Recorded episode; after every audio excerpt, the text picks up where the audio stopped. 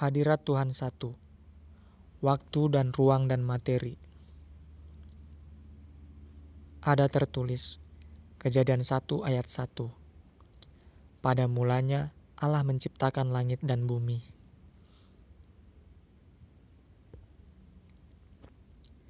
Eksistensi Tuhan adalah sebelum dan saat dan setelah konsep yang namanya waktu dan ruang dan materi ada. Dia selalu dan selamanya dan tetap ada. Pernyataan dirinya melampaui dan di dalam dan di luar segala sesuatu, termasuk kontradiksi maupun konspirasi, hal baik ataupun hal jahat yang dapat dilihat ataupun tidak, dan sebagainya. Tanpa asal muasal, dia ada begitu saja. Berikut pernyataan Dr. Hevinken. Tuhan dalam Alkitab tidak terpengaruh oleh waktu ruang materi. Jika dia terpengaruh oleh waktu ruang materi, maka dia bukanlah Tuhan. Waktu ruang materi adalah hal yang kita sebut kontinum. Ketiga ini harus ada secara bersamaan dan instan. Karena kalau ada materi tapi tak ada ruang, di manakah kamu akan menaruh materi? Kalau ada ruang dan materi tapi tak ada waktu, kapankah kamu menaruhnya? Kamu tidak dapat memiliki waktu, ruang, materi secara terpisah.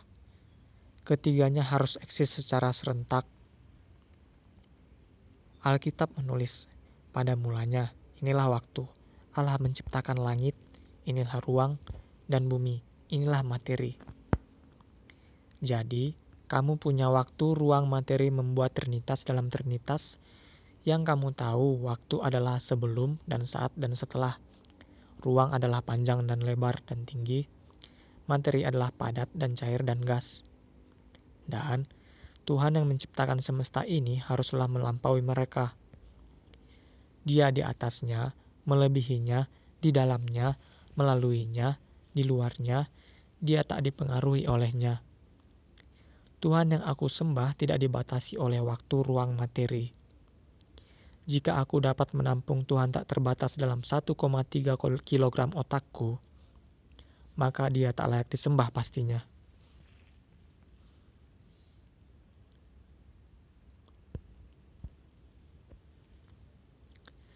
Dia membuat waktu ruang materi. Alkitab menuliskan bagaimana dia melakukannya. Jika kamu penasaran, silakan baca kitab kejadian pasal 1, walaupun tidak sedetil yang kamu mau. Contoh waktu. Pada mulanya, suatu hari, senja, sebelum, Februari, detik, terlambat, jadwal, kecepatan, abad, abadi, libur. Contoh ruang. Langit, angkasa luar, kosong, celah, jarak, wadah, dimensi, internet, kolam, kebun, hutan, kilogram, meter. Contoh materi. Bumi, kecoa, nasi goreng, anjing, asteroid, rambut, payudara, ponsel, daun, alkitab, angin, penis, mayat. Ketiga hal ini, waktu ruang materi, juga adalah satu keutuhan pondasi dalam ilmu kosmologi. Ada tertulis Wahyu 1 ayat 17 sampai 18. Ketika aku melihat dia, Aku jatuh di kakinya seperti orang mati.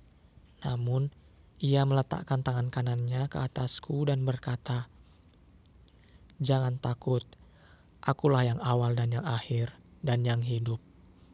Aku telah mati, tetapi lihatlah aku hidup sampai selama-lamanya. Dan aku memegang kunci maut dan kunci Hades. Kolose 3 ayat 11 dalam hal ini, tidak ada lagi orang Yunani atau orang Yahudi, orang yang disunat atau orang yang tidak disunat, orang bar barbar atau orang skit, budak atau orang merdeka, tetapi Kristus adalah segalanya dan dalam semuanya. Kolose 1 ayat 17 Ia sudah ada sebelum segala sesuatu, dan segala sesuatu ditopang bersama-sama dalam dia. Yesaya 44 ayat 6 Beginilah perkataan Tuhan, Raja Israel dan penebusnya, Tuhan semesta alam. Akulah yang awal dan yang akhir, selain aku tidak ada Allah. Wahyu 1 ayat 8 Aku adalah Alfa dan Omega, firman Tuhan Allah yang ada, yang sudah ada, dan yang akan datang, yang maha kuasa.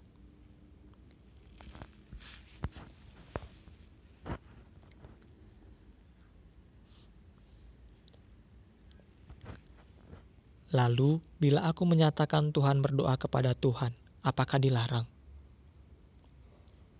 Kalau aku bilang Tuhan berkata Allahku dan Allahmu, apakah salah? Kalau aku berkata aku adalah anak Tuhan, atau Tuhan beranak, atau Tuhan mati, apakah itu menghujat?